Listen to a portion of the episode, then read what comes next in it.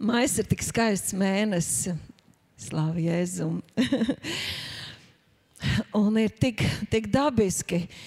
Protams, nekāda ģimenes mēnesis jau nebeidzās.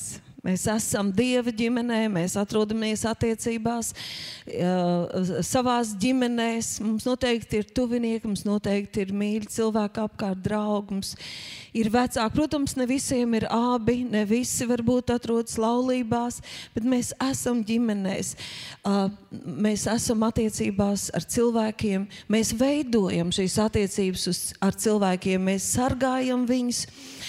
Kāds mazs puisīts, esot lūkšanā dievam, teica, tā, mīļais dievs, es varu sadarēt, ka tev ir ļoti grūti mīlēt visus cilvēkus pasaulē. Mēs ģimenē esam tikai četri, bet man vienalga neizdodas viņus visus mīlēt vienlaicīgi. Uh, mīlestība, ģimene, attiecības, draudzene, laulība. Uh, Pāri visam tur valda viens vārds - mīlestība. Mīlestība, kas ir pati, pats augstākais bauslis, kas ir pats dievišķīgākais brīnums, mīlestība, kas ietver sevī vislielāko spēku un visu dieva, visas dieva rakstura šķautnes - mīlestība. Mēs zinām, ka korintiešos ir teikts, ka mēs varam būt bezgalīgi gudri, mēs pat varam nodoties, varam uzupurēties, varam uh, ļoti daudz ko sasniegt, varam pārdot visu, kas mums ir, un atdot to nabagiem, lielīties ar savu sodu darbu, saviem labajiem darbiem. Darbi, darbi, darbi varam darīt, varam būt. Un tomēr, ja mēs to nespējam, nedaram mīlestībā, ja mums nav mīlestība, tad tas viss ir par tukšo. Tam nav vērtības. Neiedziļinoties to tā nemaz nevar saprast, kā labam darbam var nebūt vērtības. Bet mēs tiešām dzīvojam laikā, kad kādreiz gribas pat atrast citu, citus vārdus vai kaut kādu paplašināto skaidrojumu vārdam mīlestību, jo liekas, ka šis vārds tiek degradēts, zaudē jēgu. Un ka tu gribi pateikt pašu spēcīgāko domu atklāsmi, tad liekas, vai cilvēks sapratīs, ka tu runā par dievišķo mīlestību. Uh, Mēs ikdienā esam pieraduši arī teikt, es, es mīlu suni, cits saka, es, ne, es nemīlu suņus, es mīlu kaķus. Es mīlu pizzas, cits nē, es man patīk sushi. es mīlu savu dzīves draugu, es mīlu bērnus, es mīlu ceļot tad ir jādomā, kā tu mīli sushi un savu dzīves draugu. Vai suni un ceļojums un savus bērnus. Vai, vai ar to pašu mīlestību, vai tāpat. Un tad tu sāc saprast, cik mīlestība ir daudz šķaitnaina, cik viņa ir bagāta. Un patiesībā tā ir pati, paša dieva sirds, tā ir paša dieva būtība. Un noteikti, ja esam kādu laiku ar Dievu, noteikti, ka mēs esam ik pa laikam, vai esam spiesti, vai vienkārši esam gudri un vēlamies izprast, kāda tad ir mīlestība, kas ir mīlestība, vai es māku mīlēt? Un galvenais, kad mēs taču gribam pieaugt mīlestībā pieaug Dievā. Tāpēc, kad Dievs taču saka, ka visas lietas, arī par avietojumu, un garu dāvanas un spēku izpausmes, kas mums tik ļoti patīk, kas ir tik ļoti vajadzīgs, teikts, ka tas viss paies, tas viss beigsies. Bet kaut kas paliks, kaut kas mūs aiznesīs uz mājām. Un tas būs svētgara spēks, bet mēs droši varam teikt, svētais gars ir tas pats Dievs, ka tā būs Dieva mīlestība, Dieva mīlestības spēks, kas ir mūsos. Jo pie pestīšanas Dievs savu mīlestību ir izlējis mūsos. Aleluja! Kad mēs tā skatāmies uz mūsdienām, uz šodienu, es jau varu salīdzināt kaut kādu laiku iepriekš un arī teikt, nu, šodien ir tā, kā, kā agrāk nebija. Bet skatoties, kas notiek, tad šķiet tādas divas tā kā anomālijas. No vienas puses, mīlestība kā sajūtas, kā kairinājums, kā emocijas, kā uh, tādas sakāpinātas jūtas, uh, kas mani motivē, kas man atraisa radošumu, kas man liek pašrealizēties, kas man liek baudīt dzīvi un būt laimīgam, viņš tiek pārdabiski sakāpināts, viņas tā kā valda. Un varētu teikt, ka mīlestība valda, tāpēc ka mīlestības sajūtas, mīlestības bauda ir, ir tronī. Kur patiesībā tronī ir cilvēks, kur vismaz mēdī, visas šīs pasaules ideja visu laiku potē. Tu esi tā cienīgs, lai baudītu. Tu esi tā vērts, lai tevi mīlētu. Tu esi tā vērts, lai tu būtu laimīgs. Tev tas pienākās. Tu to esi pelnījis. Interesanti, kāpēc. Un aug tādi mazi egoistiņi, visu pelnījuši, viss viņiem pienākas, lai sakāpinātu un sakairinātu katru jūtiņu, katru nervu galiņu, katru tās lietas, ko Dievs ir dāvinājis, kurām tā kā vajadzētu mums sekot mīlestībai, kurām vajadzētu tā kā kalpot. No, un tad mēs varam skatīties uz mīlestību, kā viņa tiek izprast mūsdienās, un saprast tā, ka no vienas puses mīlestība ir tā kā godā, un viņa tā kā varētu celt un stiprināt laulību. Bet no otras puses viņa attiecības, laulību, uzticību, tieši mīlestību izārta. Un tas notiek tad, ja cilvēks nesaprot, un viņš tā kā uzskata, ka mīlestība ir kaut kas tāds, kas neatkarīgi no viņa atnāk babams. Ja? Tās ir sajūtas, tās ir emocijas, tās ir piedzīvojums, tas ir kaut kāds jūtu kairinājums, nervu kairinājums. Es to izbaudu. Jā, es noteikti eju derībā, laulībā, man būs bērni, tāpēc ka es bezgala mīlu. Bet tad, kad tā mīlestība aiziet, ja mēs nesaprotam, ka mīlestība ir mums jāsargā. Mīlestība ir jākopj, mīlestībā ir jāiegulda, mīlestība ir jātur dārga, mīlestība ir jābaro. Bet mūsdienu cilvēks uzskata, ka mīlestība ir kaut kas tāds kā, tā kā baterija, nu, kā tagad ir modē. Ja? Ne saules, bet, bet viņa, viņa pati kaut kur uzlādējas. Un tad, ja nu viss ir iztērēts, viss ir izlietots un viņa ir tukša, es eju meklēt laimi citur. Jā. Kādu pāri izlēma palikt kopā ar bērniem, bet to laimi, tās savu vajadzību apmierināšanu, tās es jau meklēju apmierināt dažādos veidos, nu jau mūsdienas piedzīvo ārpus ģimenes, ārpus saviem tuvākajiem cilvēkiem, laulātie, ārpus savu dzīves draugu. Un tad tā skatoties, varētu salīdzināt, es atceros, sen atpakaļ mācītājs šo pieminēja, uh, ka varētu teikt, ka mūsdienu cilvēks to mīlestību padara vai sakāpina vai pārprotot viņu, veido tā kā šobrīd arī populāri gardēži. Ja? Un, un, un, un e, šefpavāru sacensības un, un, un ēdienu gatavošana ieņem milzīgu lomu uh, nu, daudzu dzīvēs. Atstāja milzīgas naudas dārgos restorānos un patērē milzīgu laiku pašiem gatavojot. Un tad atceros, ka mācīties paņem, nu, paņemsim tādu vienu vienkāršu, garšīgu, olbaltumvielām bagātu, ķermenim nepieciešamu vistu vistas gaļu. Nu, es nezinu, kāda ir mums, kas nēd gaļu.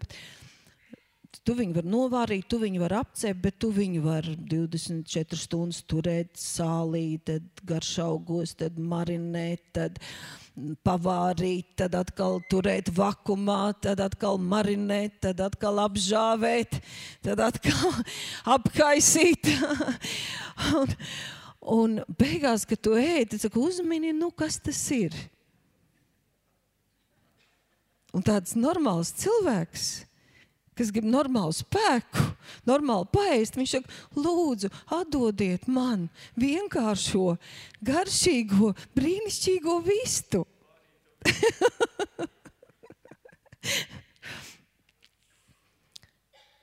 Tas ir tad, ja mums liekas, ka, tā, ka mēs varam kaut ko mēs kāpinām, kāpinām, kāpinām. Ka mums šķiet, ka mīlestību uz bērnu, uz kaķu, uz sunīti, uz, uz dzīves draugu. Es kā tāda rada ar meklējumu šīs sajūtas, ka mīlestība ir tikai jūtas. Bet bibliski mēs redzam, ka mīlestība ir kaut kas daudz, daudz, daudz vairāk, daudz, daudz, daudz spēcīgāks. Tas ir kaut kas daudz, daudz, daudz pārāks. Tās nav tikai jūtas. Jo, ja mīlestība ir tikai jūtas, tad mēs nevaram izpildīt Dievu to galveno pavēlu, pirmo bauslu. Mīli mani, Dievs teica, no visas spēka, no, ar visu sirdi, ar visu prātu, ar visu savu gribu. Mīli mani! Ja mīlestība ir tikai jūtas, tas nav iespējams. Tad nav iespējams mīlēt cilvēku, kurš ir nodarījis pāri. Tad nav iespējams mīlēt kādu, kas varbūt mums ne īpaši patīk. tad mīlestība ir tā tāds lēkājošs trusīts. Un tomēr ieskatīsimies, es zinu, ka mēs zinām, bet es gribu atgādināt par šiem diviem mīlestības tādiem pamatveidiem, ko mēs kādreiz jaucam, ja neizprotam vai aizmirstam. Tātad pirmkārt, mēs varam iedomāties, ka mīlestība ir tikai emocionāla mīlestība. Un tad viņi ir atkarīgi no šīm sajūtām, no manas patiks, no manas šī brīža pieķeršanās. Patiesībā jūtas tā ir tikai tāda psihiska reakcija uz kaut ko. Es skatos saulriet, romantisks sajūts, skatos uz kādu, kam bēdas, un man tā tāda līdzcietība ieviešās. Skaties, skatos uz mazu kucēniņu, un arī kaut kāds sentiments. Vai tiešām tā ir tā mīlestība, ar ko Jēzus mūs mīlēja, atdodams par mums savu dzīvi? Jūtas Mūsos kaut ko var sakustināt, tā ir Dieva dāvana, kaut ko rosināt, kaut ko pamudināt. Bet jūtas noteikti nav tās, uz kā mēs varam balstīt savu dzīvi.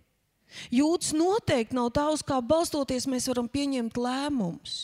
Jūtas noteikti nav tās, kuras drīkstētu uh, mainīt manu uzvedību, ietekmēt manu uzvedību, un balstoties uz jūtām, es nedrīkstētu rīkoties. Tur nav loģikas, tas nav normāli, tas nav pareizi. Dievs cilvēku ir tādu radījis, ka viņam ir viņa sirds, viņam ir viņa patība, viņa esme, tad ir viņa prāts, viņa lēnprātība.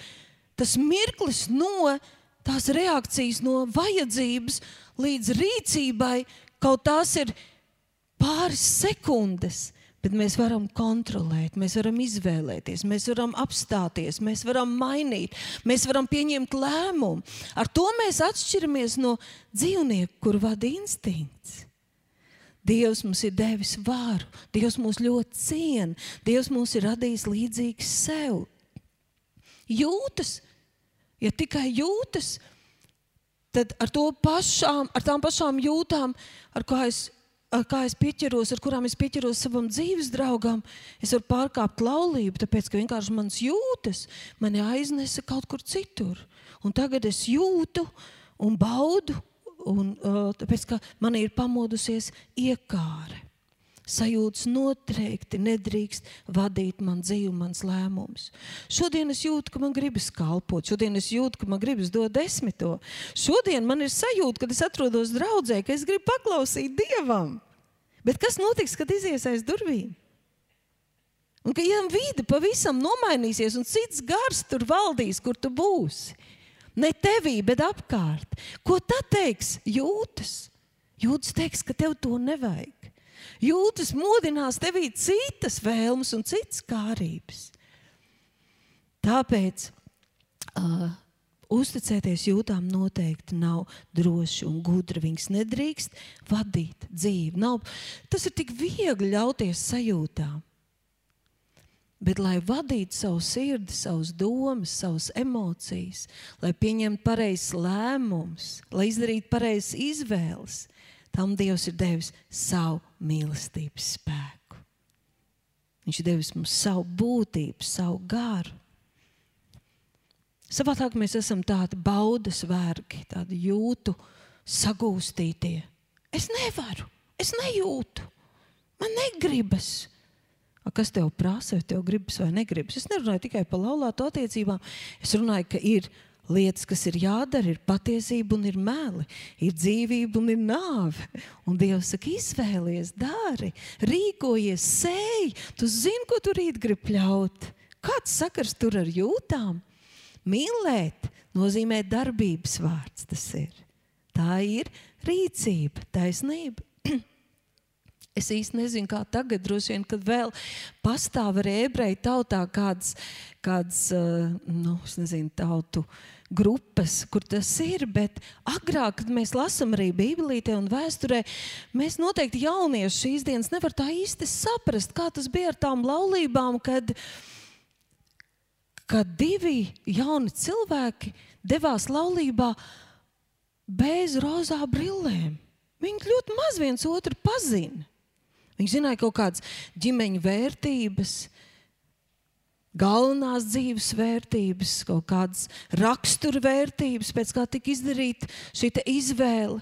Tur bija noteikti kaut kāda patika, bet noteikti nebija ilgstoša draudzība, bezgalīgi maiga pieskāriena, tā ka viss ķermenī ir sakāpināts un ka tu nevari seksu pirms laulībām, tad tu centies ātrāk apprecēties. Nekā tāda nebija. Hebreji vismaz agrāk uzskatīja, ka jo ilgāk dzīvo laulībā, jo spēcīgāk mīlestība attīstās. Un jūtas seko mīlestībai. Mīlestība ir rūpes vienam par otru. Mīlestība ir sirsnība, mīlestība ir laipnība, mīlestība ir atdošana, mīlestība ir iežēlošanās, mīlestība ir draudzība, mīlestība ir palīdzība, mīlestība ir ieinteresētība, mīlestība ir atvērtība. Un jo vairāk to attīst un tajā iet, jo mīlestība kļūst stiprāka. Ebreji uzskatīja, man gribas teikt, uzskata, ka laulība nesaraujami ir saistīta ar gribu mīlēt. Man gribas teikt, jebkuras attiecības vecākiem ar bērniem. Kādreiz mums viņi krīt galīgi uz nerviem un grūti atrast kaut ko, kas viņos patīk. Draudzības, draudzības kas ir tik vērtas, draugu attiecības, lai viens otru celtu, tiek izjauktas.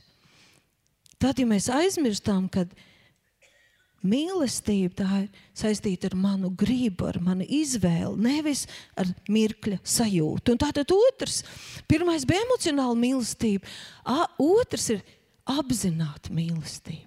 Jā, mīlestībai ir arī emocijas, bet Dievs mīlēja, tāpēc deva savu dēlu. Jēzus mūs mīlēja, tāpēc deva savu dzīvību par mums. Es nezinu, cik daudz tur bija patīkams sajūta, redzot visus tos, kas uz viņu spļāva.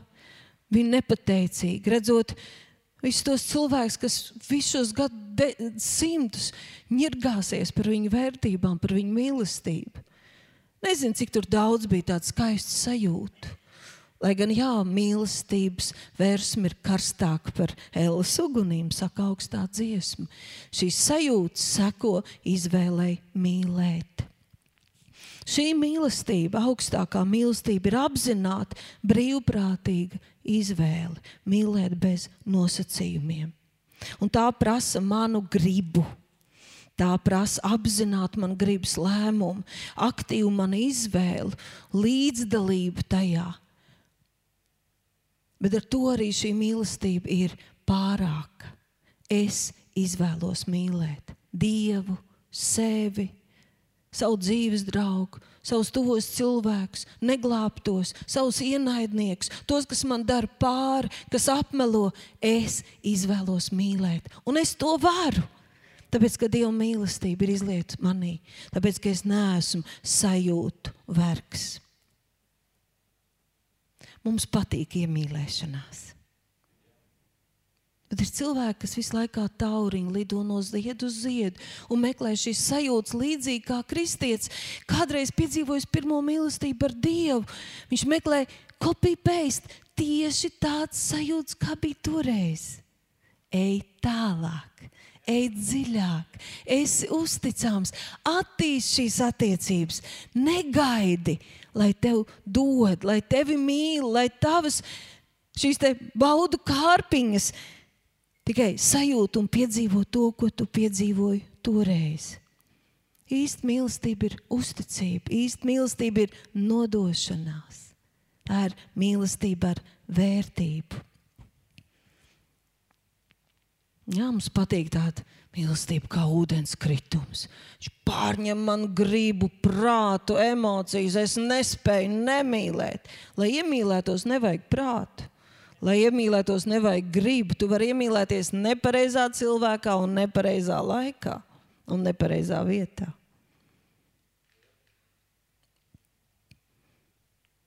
Par cilvēkiem, kas ir tā šausmīgi, emocionāli iemīlējušies, saka, ka viņam ir rozā brīlis, viņš nav skaidrā prātā. Bet mums tas noteikti patīk, mēs to gribam. Iemīlēšanās ir skaista, bet mīlestība ir daudz skaistāka. Iemīlēšanās ir spēcīga, bet mīlestība ir daudz spēcīgāka un dziļāka, un tai nav robežu. Tāpat kā tas nav dievā. Kādreiz atceros vienu sievieti, kad viņai bija problēmas ar vīru, un es viņai prasīju, viņas taisījās šķirties, es prasīju, vai tu mīli savu vīru? Vai tu gribi vismaz mīlēt, vai tu gribi izvēlēties viņu mīlēt? Tad viņa teica, nu jā, ar korintiešiem 13, tad ne. Un viņai liekas, ka korintiešiem 13 tur nav sajūtas, tur nav iekāres, tur nav sajūsmas. Tur nav viļņu, tur nav bangu, tur nav putu, tur nav ūdenskritumu. Tur ir tikai uzticība. tur ir tikai sausa neatlaidība. Tas ir muļķības. Vai tad tu neesi bijis patiesā Dieva klātbūtnē?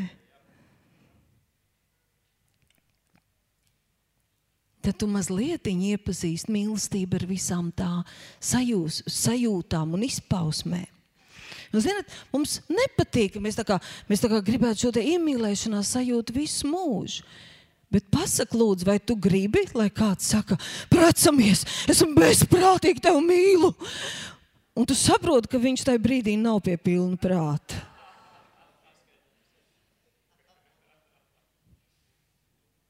Tu droši jūties tajā brīdī, tu gribi šādas attiecības.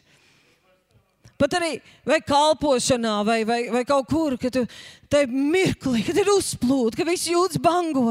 Es tagad došu, es, man tikai nekā nav šobrīd, ko iedot. Ja, es, es tagad kalpošu, tikai šodien nevajag.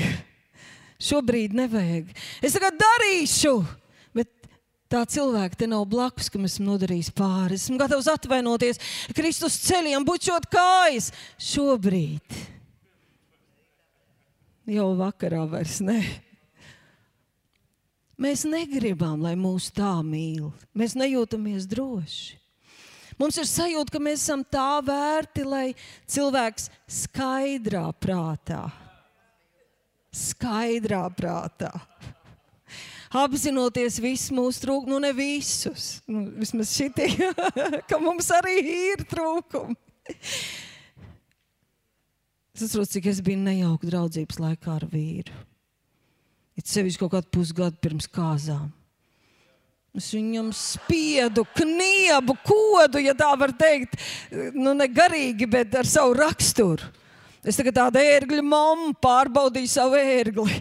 Cik viņš ir izturīgs? Jo es domāju, es nezinu, vai tas bija apzināti vai nē, bet es savā meitenes prātā biju izdomājusi.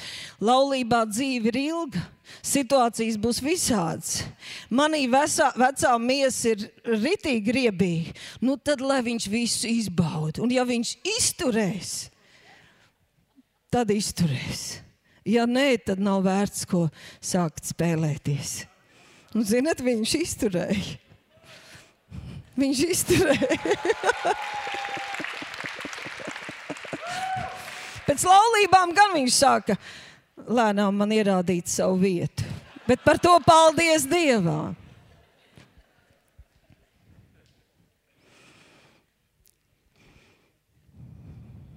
Mēs negribam dzīvot, pieņemt lēmumus mirklī, kad ir šīs rozā brilles un emocionālais, nenormālais pacēlums. Tāpēc, ka mēs zinām, un it sevišķi, protams, ka man jāpiemina arī laulība šai ģimenes mēnesī, bet tas attiecas uz vispār uz attiecībām. Mēs zinām, ka tās rozā brilles kaut kad nokrīt. Un tad otrā cilvēkā, kurš iemīlēšanās fāzē bija gatavs visu dzīvi uz rokām nesāt, katru vajadzību nolasīt no acīm. Pēkšņi izrādās, viņam ir savas vajadzības arī. Un tās kļūst aizvien svarīgākas par otru. Pēkšņi tas es un man atkal ceļas, un, un otram arī izrādās, ir tāds pats es. Un katrs ir tik dažāds, tik bagāts ar to, no kā viņš uzskata, kā viņš jūt, ka, no kurienes viņš ir nācis, un tā vēl tā vārdu nesadarība. Ja? Mēs lietojam dažādus tos pašus vārdus ar citu domu.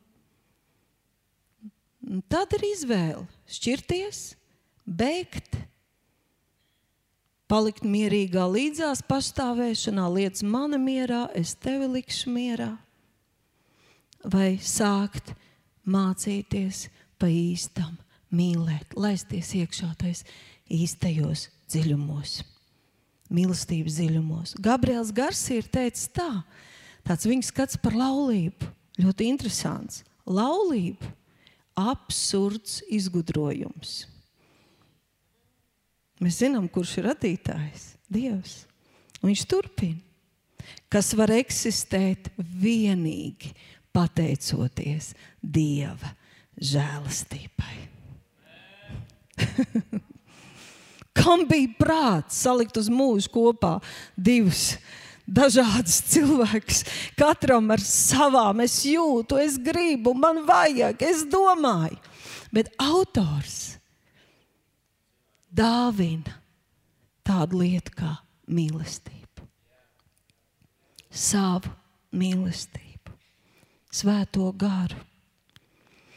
Un Jēzus dzīvoja, un viņš saka, skatieties uz mani, mācieties no manis. Vīriem viņš saka, vīri, mīliet savas sievas tā kā es mīlu draugu. Viņš turpina, Efesiešiem 4. Es domāju, ka mēs to studējam. Mīlat tā kā es, vai, vai nav viegli? Nu, nav jau viegli iemācīties to, pēc tam mēs tam protestē, bet, bet ja es saku, skatieties no manis, mācieties no manis. Un bez tam viņš mūsos ieliek treneri, padomdevēju, palīgu, aizstāvi, skolotāju, svēto garu. Viņš mūs tajā visā neatstāja vienus. Es gribu gribu izlasīt no Dobsona, bišķiņa esmu pamainījusi. Un kad vien ir laulāto seminārs, vai kas man atkal, atkal gribas to atgādināt. Nav iespējams, ir tāds labs teiciens. Elektroierīces darbosies labāk, ja tās pieslēgs pie elektrības. Nav iespējams baudīt laulību, nav iespējams baudīt mīlestību, nav iespējams izprast mīlestību, ja mēs nemācāmies, neiepazīstam, nebaudām, ja prioritāte nav Viņa mīlestība. Ja mēs tur neatrodam mieru, spēku, visu, kas mums vajadzīgs, laulība tiešām ir uh, traka padarīšana. Neiespējama. Kāpēc svarīgāk un pirmkārt par visu? Katram mums personīgi ir mīlēt Dievu. Ne tāpēc, es izlasīšu to gabaliņu, ne tāpēc, ka Dievs vēlas būt valdnieks pilī, kur mēs viņu pielūdzam. Vai lai viņš būtu mūsu dzīvēs pirmajā vietā popularitātes reitingā. Bet tāpēc, ka pareizi un brīvi mīlēt citus, mēs varam tikai tad, kad pāri visam, kad tiešām pāri visam mīlam Dievu. Jo mēs esam radīti dievišķai mīlestībai. Mūsos ir ielikta vajadzība pēc mīlestības, kas ir pilnīgi uzticama, mūžam nemainīga. Mūsos ir dziļas ilgas pēc drošības, kas tiek apmierināti, kad mūs mīl vienkārši mūsu būtības, nekā citu iemeslu dēļ. Ne tādēļ, ka mēs ko spējam izdarīt, iedot vai sasniegt, bet mūsu pašu dēļ. Un tā mīlēt spēja visā pilnībā vienīgi Dievs. Vienīgi Dievs mīlēs pārpilnības un nevis aiz vajadzības. Vienīgi Viņš mīl tikai tādēļ, ka mēs esam. Vienīgi Viņa mīlestība ir tikpat nemainīga kā Viņš pats. Un ja mēs šo vajadzību pēc šādas pilnīgas mīlestības neiegūstam viņā, nepiepildam, neapmierinam savu vajadzību, tad mēs to meklējam, pieprasām no cilvēkam, cilvēkiem, meklējam cilvēkos, un neviens to nespēj dot, un Dievs nevienu arī nav aicinājis. Nav devis tādu uzdevumu, darījis spējīgi, lai kāds to tā spētu, tik pilnīgi, kā mums to vajag. Tā mēs uzliekam laulībai, draudzībām, attiecībām, nepaceļams nasts, sagaidot no tām šo dievišķo mīlestību. Mēs arī jūtam savas mīlestības lielo vērtību, tāpēc gribam ieguldīt to cilvēkā, kurš būtu tā cienīgs. Bet ir tikai viena persona, kuru mūs nekad nepievils, tas ir Jēzus. Un mēs varam mīlēt viņu no visas sirds, prāta, dvēseles un spēka, nekad nepiedzīvojot vilšanos, viņa rakstura trūkumos vai nepilnībā, nepilnīgā uzvedībā. Ja mēs tā neiemīlam Dievu, tad gaidām to no cilvēkiem. Gaidām nesasniedzam mīlestības, to laktiņu uzcēluši un paliekam neapmierināti. Tad, kad mēs vairāk par visu mīlam Dievu, mūsu vajadzība pēc pilnīgās mīlestības tiek apmierināta, un mēs varam brīvi dot un saņemt mīlestību. Tā ir tāda bauda mācīties mīlēt cilvēkus. Es nerunāju tikai par laulāto, bet, protams, īpaši attīstīt šīs attiecības laulībā. Uh, bet mācīties mīlēt cilvēkus, mācīties veidot padziļinātas attiecības. Ah, tad, kad kādam var likties, ka tas ir grūti, ka tas kaut ko no mums prasa, bet vai tu neesi ievērojis, ka tieši tad, kad tu izvēlies rīkoties mīlestībā, tu pats kļūsi labāks un laimīgāks? Tev ir tāda uzvaras sajūta, tev ir tāds gandarījums, ka tu pat uzvarēji Olimpijādē. Jo sportistiem šī iespēja tikai ir reizi četros gados. Mēs arī šīs sajūtas varam baudīt ļoti, ļoti bieži. Kas ir pretējs mīlestībai? Kas notiek, ka pēc kāda laika ir tukšums, sausums, strīdi, vienaldzība? Kas notiek, ka kristietis, kas tik šausmīgi, atļaušos teikt, iemīlēja Jēzu, pēc kāda laika vairs nemainās, acis pelēkas, vairs īsti netic un vienkārši nu, dara tādas rituāls, darbības. Kā jūs domājat, kas ir mīlestības pretinieks? Kas ir mīlestības pretinieks? Kas ir laulības ārdītājs? Kas ir attiecību iznīcinātājs? Egoisms egoisms. Tas ir tas, par ko Pāvils teica, ka būs grūti laiki, un patiesībā viņš tur apraksta egoismu. Tas nozīmē nespēju uzņemties atbildību. Tad arī rīcība būs nepareiza. Tas nozīmē nu, meklēt mūžīgi vainīgos citur. Tas nozīmē nemainīties pašiem. Un, mīļie, tagad es tikai pieskaršos pavisam īsi. Jūs jau atceraties, ka pirms kaut kāda laika bija šis vārds par egoismu. Es nezinu, vai tieši tādēļ es saprotu, ka tā ģimene bija jau arī savā attiecībās tādā situācijā, bet pēc šī dievkalpojuma par egoismu viena ģimene atstāja draugu. Un šķiet, ka vīram likās, ka ir pilnībā nolasīts viņa.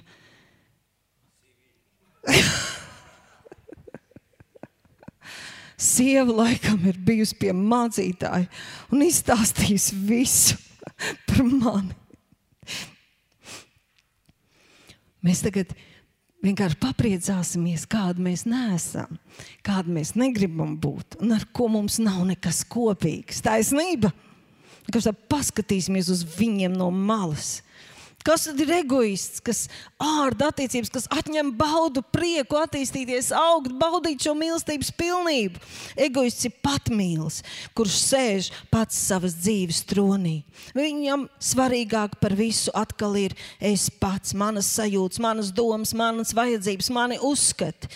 Jā, viņš ir saņēmis glābšanu, bet tas neko nemaina viņa dzīvē. Viņš visus grožus tur savās rokās. Viņš neusticas Dievam, visu kontrolē pats un netaisās mainīties. Esmu gudrāks, es visu zinu, man nevajag mācīties, man nevajag mainīties, ja vien tie citi. Tad pasaule noteikti būtu skaista. Egoists ir greizsirdīgs, kritisks, aizdomīgs, skaudīgs, cinisks. Viņš redz tikai sevi, žēlo sevi, sargā sevi, uztraucas par sevi, aizstāv sevi. Oi, cik labi! Oi, cik kāda laime, ka mēs esam brīvi no tā. Viņš neprot novērtēt otru, arī savu ģimeni, savu laulību, savus bērnus. Viņš neprot cieņas pilnu attiecības tieši pret tuvākiem, pret svešiem, jau, jā, bet cienīt savus tuvākos. Ievērot otrā to labo, ka viņš cenšas, viņu padarīt to, viņa rūpes. Bieži mēs neievērojam, kā bērns cenšas, kā dzīves draugs. Vienkārši neievērojam, tāpēc, ka skats ir uz mums.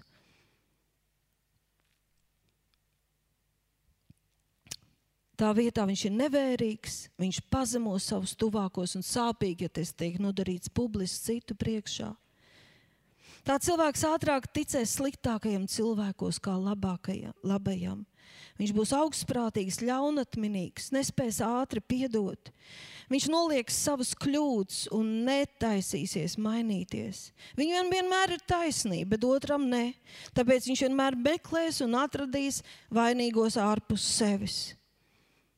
Egoists ceļ sevi uz citu rēķinu, koncentrējas uz citu trūkumiem un neveiksmēm. Un laulība tas tā kā aprēķina darījums. Tu man esi, lai darītu man laimīgu, man pienākās. Es tev devu šito, tu man par to šito. Tā ir tāda kaķa filozofija, kad kāds tev saka, es tev tik ļoti mīlu. Viņš laiž katņurdu. Es arī sevi ļoti mīlu.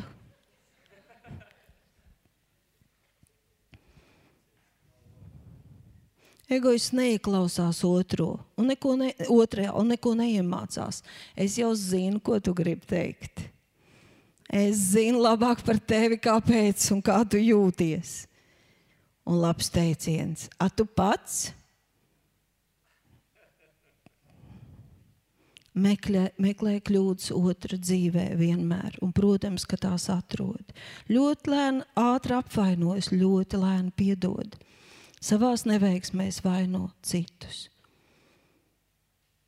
Egoists neprasa padomu, viņš nelasīs grāmatas. Par laulību, bērnu audzināšanu ir jālasa materiāli. Pirmkārt, Bībele. es zinu, ka viens šūniņa vadītājs aizstāvēja, ka mēs runājām par to, cik ir izlasījuši, kas lasa goda balvu. Kāds šūniņa vadītājs aizstāvēja savus puišus. Tas ir brīnums noticis, ka mani puiši ir sākuši lasīt vienu nodaļu dienā vai nedēļā. Mēs, tas ir brīnums.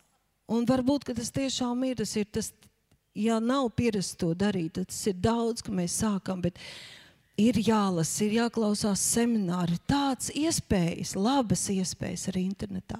Bet pāri visam tās tā ir studēt Dievu vārdu prasi padomu, ej, ejiet pēc palīdzības. Ceļa trauksme, ja ir problēmas, kādreiz ir jāiesaistās, kādam, kādreiz ir jābūt kādam vidutājam, kas palīdz arī saprast vienam otru. Egoisms ir paštaisnība, un tā dara aklu, un tā ir bezgalīgi nožēlojama dzīve. Un tas trakākais, kad mēs jau sevi neredzam, ka tajā esam. Mēs esam paštaisni, mēs esam pārliecināti par sevi. Egoisms neļauj sasniegt tos mērķus, kas ir svarīgāki par pašu dzīvi. Neļauj mums būt tādiem, kādi mēs jau patiesībā esam Kristu. Neļauj mums izdarīt to, kas mums ir jāizdara. Mēs nedomājam par mūžību, nedomājam par rītdienu. Mēs jūtam tagad, mums vajag tagad, mums svarīgi ir tagad. Vainojot otru, mēs zaudējam spēju uzņemties atbildību un līdz ar to pašiem mainīties. Kad es saku, es esmu vainīgs, tas, kāds esmu šodien, nav mammas dēļ, nav skolotājas dēļ. Tā ir mana problēma. Es kopā ar Jēzu to atrisināšu. Piedod man, kad es uzņemos atbildību, tad atnāk svaidījums un man ir spēks rīkoties. Bet, ja es vainoju, metu uz visiem, tiesāju, kritizēju citus, es sēju nāvi savā dzīvē un tajos, kas apkārt. Un Jēzum ir nemainīga attieksme pret to. Viņš saka, ja tavs acis tevi apgrēcina, ja tavu kaimiņu acis tevi apgrēcina, izrauj viņam to. Nē, kad tu redzi baļķus citu acīs, vai ne, skabargu, tas nozīmē, ka tev pašam ir ritīgs baļķis. Ķeries klāt pa priekšu savām baļķīm. Kāpēc? Es nezinu, cik var iet pie psihologiem, psihiatriem un tā tālāk, lai kā cilvēks var iegūt mīlestības pilnu sirdi, brīvību no paštaisnības, brīvību no dzīves sev. Ja tādi mazi egoisti tiek audzināti, maz atkāpīt, mēs tūlīt ejam uz beigām. Mīļie, ja runājam par laulību, laulība, ģimene, Protams, ja tā ir pilna ģimene, ir vīrs un sieva. Ir teikts, ka no vīrs atstās savus vecākus, pieķersies sievai, tie kļūs par vienu miesu. Mēs redzam, ka Bībeles koncepcija par, par ģimeni ir vīrs un sieva. Ne, bērni ne, nav ģimene nekļūst par ģimeni tikai tad, kad ienāk bērni. Bērni nepadara laulātos par ģimeni. Ģimene ir vīrs un sieva. Bērni ienāk un bērni aiziet. Vīrs un sieva paliek. Un cik tas ir traki? Līdzīgi kā attiecībās ar Dievu, es kalpoju, es daru, es dodu, un man nav attiecības ar viņu. Un tad pēkšņi, ka man vairs nav jākalpo cilvēku, pazūd no draudzes. Tāpēc, ka viņam nav bijušas attiecības ar Dievu. Kad bērni izaug un aiziet, tad nav tikai tukšās līgzdas sindroms, tad ir tukšo salauzto attiecību sindroms. Un paliek divi sveši cilvēki. A, kāpēc mēs esam kopā? A, kāpēc mēs sanācām kopā? Visu mūsu dzīvi bija dēļ bērniem, dēļ bērniem, dēļ bērniem, priekš bērniem. Bērni galvenie, bērni svarīgākie, bērniem, lai bērni šobrīd jūtas labi, lai bērniem tagad ir viss, lai viņi tagad, šobrīd ir laimīgi. Un tā ir milzīga viltība rūpēties, lai bērns šobrīd, tagad būtu laimīgs. Mūsu pienākums ir rūpēties, lai bērns izaudzis būtu laimīgs cilvēks. Un, lai viņš izaugs, būtu laimīgs, pieaugušais, viņam ir jāmācās saskarties ar grūtībām, uzņemties atbildību, tīrīt māju, nest ārā papīrkurus, atbildēt par mācībām, mācīties risināt konflikts ģimenē. Un nav nekā labāk, ko bērnam var iedot, kā drošu vidi mājās mīļas, sirsnīgas attiecības, mājas, kurā valda prieks, mājas, kurā valda pateicības atmosfēra. Nav nekā labāk. Tas ir daudz labāk par naudu. Nerunāšu šodien vairs par naudu. Par šim te vajag, vajag, vajag, vajag kas izārta tik daudz ģimenes, apzog tik daudz bērnus. Tātad jūs divi, ja jūs esat laulībā, jūs divi esat ģimene sargājiet un kopiet savas attiecības. Desmit grupas jau tūlīt beidz šos laulātos seminārus, jaunas grupiņas sākās. Jūs zināt, par ko mēs runājam, kam interesē, pie, pie, piesakieties pie Vinets. Tur viena no pamatdomām ir šī doma, laulība nav tāpēc, lai padarītu mani laimīgu. Laulība ir tāpēc, lai es kļūtu par labāku cilvēku.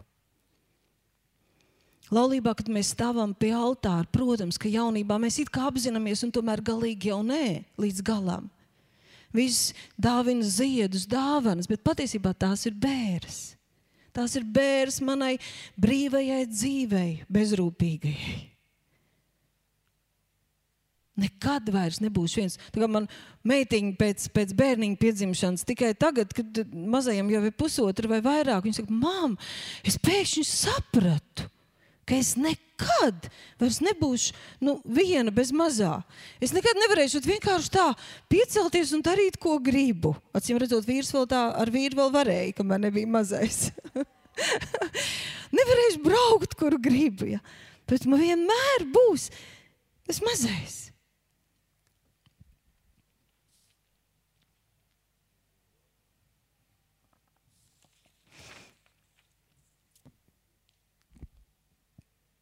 Mēs zinām, ka dārgas, svarīgas lietas, viņas kaut ko maksā. Nav iespējams, ka viņas vienkārši tā viegli krīt uz galvas. Dārgas, svarīgas lietas mēs sargājam, un nobeidzot dievkalpojumu, es gribētu aicināt, lai, lai mēs ļoti izvēlamies vērtēt un sargāt dievu mīlestību, sev tuvos cilvēkus. Lai nav tā, ka visu laiku kaut ko meklējot, mēs neievērojam, kad tas pats svarīgākais mums ir tepat bijis blakus. Tepat pavisam netālu. Un kādreiz mēs paliekam vieni, arī bez bērniem, bez draugiem. Varbūt sadzinuši, ieguvuši to, pēc kā mēs zināmies. Un tad viena no lietām, par ko man ik pa laikam ir jādomā, tas nav tik svarīgi, tas nav tik diži, ka es pēc kā kaut kādu zinos un to sasniedzu. Svarīgi ir, lai es dzītos pēc pareizajām lietām. Svarīgi ir, lai es dzītos pēc tām pareizajām lietām. Un ir lietas, kuras ir dārgākas par daudzām, daudzām lietām, par ko mēs esam gatavi maksāt lielas cenas. Tad, kad tu saproti, ka tev, tavs dārgums ir tavs attiecības ar Dievu, tavs dārgums ir tavi tuvie mīļie cilvēki, tavi draugi, tava draudz, tava iespēja vēl kalpot uz šīs zemes, tad priecājies par to. Esi pateicīgs, cieni, sārgi, vērtē. Un būsim gatavi nevis otram ar pirkstu norādīt, bet paši mainīties. Ir tāda laba doma, kad mēs piedzimām Cilvēki apkārt priecājās, bet mēs raudājām. Dzīvosim tā, lai tad, kad mēs aizejam, mēs smaidām, aizejot. Un cilvēki apkārt raud priekasars. par to, ka mēs bijām labi cilvēki, par to, ka mēs mīlējām un rādījām, kāda ir Kristus mīlestība katrā savas dzīves sfērā. Un atbildīgi par to nav mācītājs un nav tavs dzīves draugs vai kaimiņš. Atbildīgi par to esam mēs katrs individuāli. Amen. Piecelsimies kājās. Halleluja. Halleluja. Paldies par tavu mīlestību, pāri plūstošo kā okeāns, dziļo, kā debesu jums augsto kā plašuma, plašuma debesu jumā, ko mēs nespējam aptvert. Tā tavu mīlestību, kur ir neizsīkstoša, tai nekad nepienāk gala. Tā neizsīkst, tā nebeidzas. Mūsu mīlestība cilvēcīgā ir nepilnīga, tik nepilnīga, cik esam mēs paši. Bet tavs tava mīlestība, tu esi mūsu mīlestības avots, mūsu stiprums, mūsu dzīvība, kur mēs smeļam šo mīlestības pilnību. Halleluja! Mēs varam izbaudīt visu tās mīlestības nianses, visu dziļumu tavā tuvumā, atpūsties tevī, piepildīties ar tevi, baudīt tevi, pielūdzot saņemt tavu mieru, kas augstāks par cilvēku saprašanu, prieku, kas ir neatkarīgs no apstākļiem. Halleluja! Ticība, cerība, jēga un spēku dzīvot, bīdīt kalnus, mainīt apstākļus. Slavu tev, slavu tev, slavu, slavu par šo mīlestības pilnību par mīlestības pilnību. šis avots ir pieejams ikvienam, ikvienam tavam bērnam. Halleluja, halleluja, halleluja. Nav neviens neprašs, kas varētu teikt, es nemāku mīlēt, tāpēc, ka tu pats esi rādījis priekšzīm, tāpēc, ka tu esi mūsos. Jēzus vārdā es svētīgu vienu. Lai tavs miers un prieks mājo mūsu sirdīs. Es saistu un padzenu katru nosodījumu, norādīšanu ar pirkstiem, sevis nolikšanu vai otra pazemošanu. Es saistu to Jēzus vārdā. Ja kāds šeit īpaši jūtās, ka viņa raksturā vai gēnos ir kaut kas iedzimts tik ļoti no tām negatīvām lietām, kas viņam pašam nepatīk, ar ko viņš cīnās, Debes Tēvs, es pateicos, ka saucot uz Tevi, Tu dari brīnumu. Tu dari brīnumu, tu no sava gara dod, no savas būtības, no sava rakstura. Halleluja, atjaunojot garu, dvēseli un miesu. Halleluja, atbrīvojot, ja vien to vēlamies. Es pateicos par tavu brīnumu, par tavu žēlastību, par tavu gudrību. Halleluja, ikvienam, kam tā vajadzīga, Jēzus vārdā. Jēzus vārdā. Debes Tēvs lūdz par katru ģimeni. Halleluja! Šo vēlmi arī paklausīt Tev nolādēt lepnumu, aiziet to prom un doties šais pazemības pilnajās mīlestības attiecībās. Jēzus vārdā, Jēzus vārdā.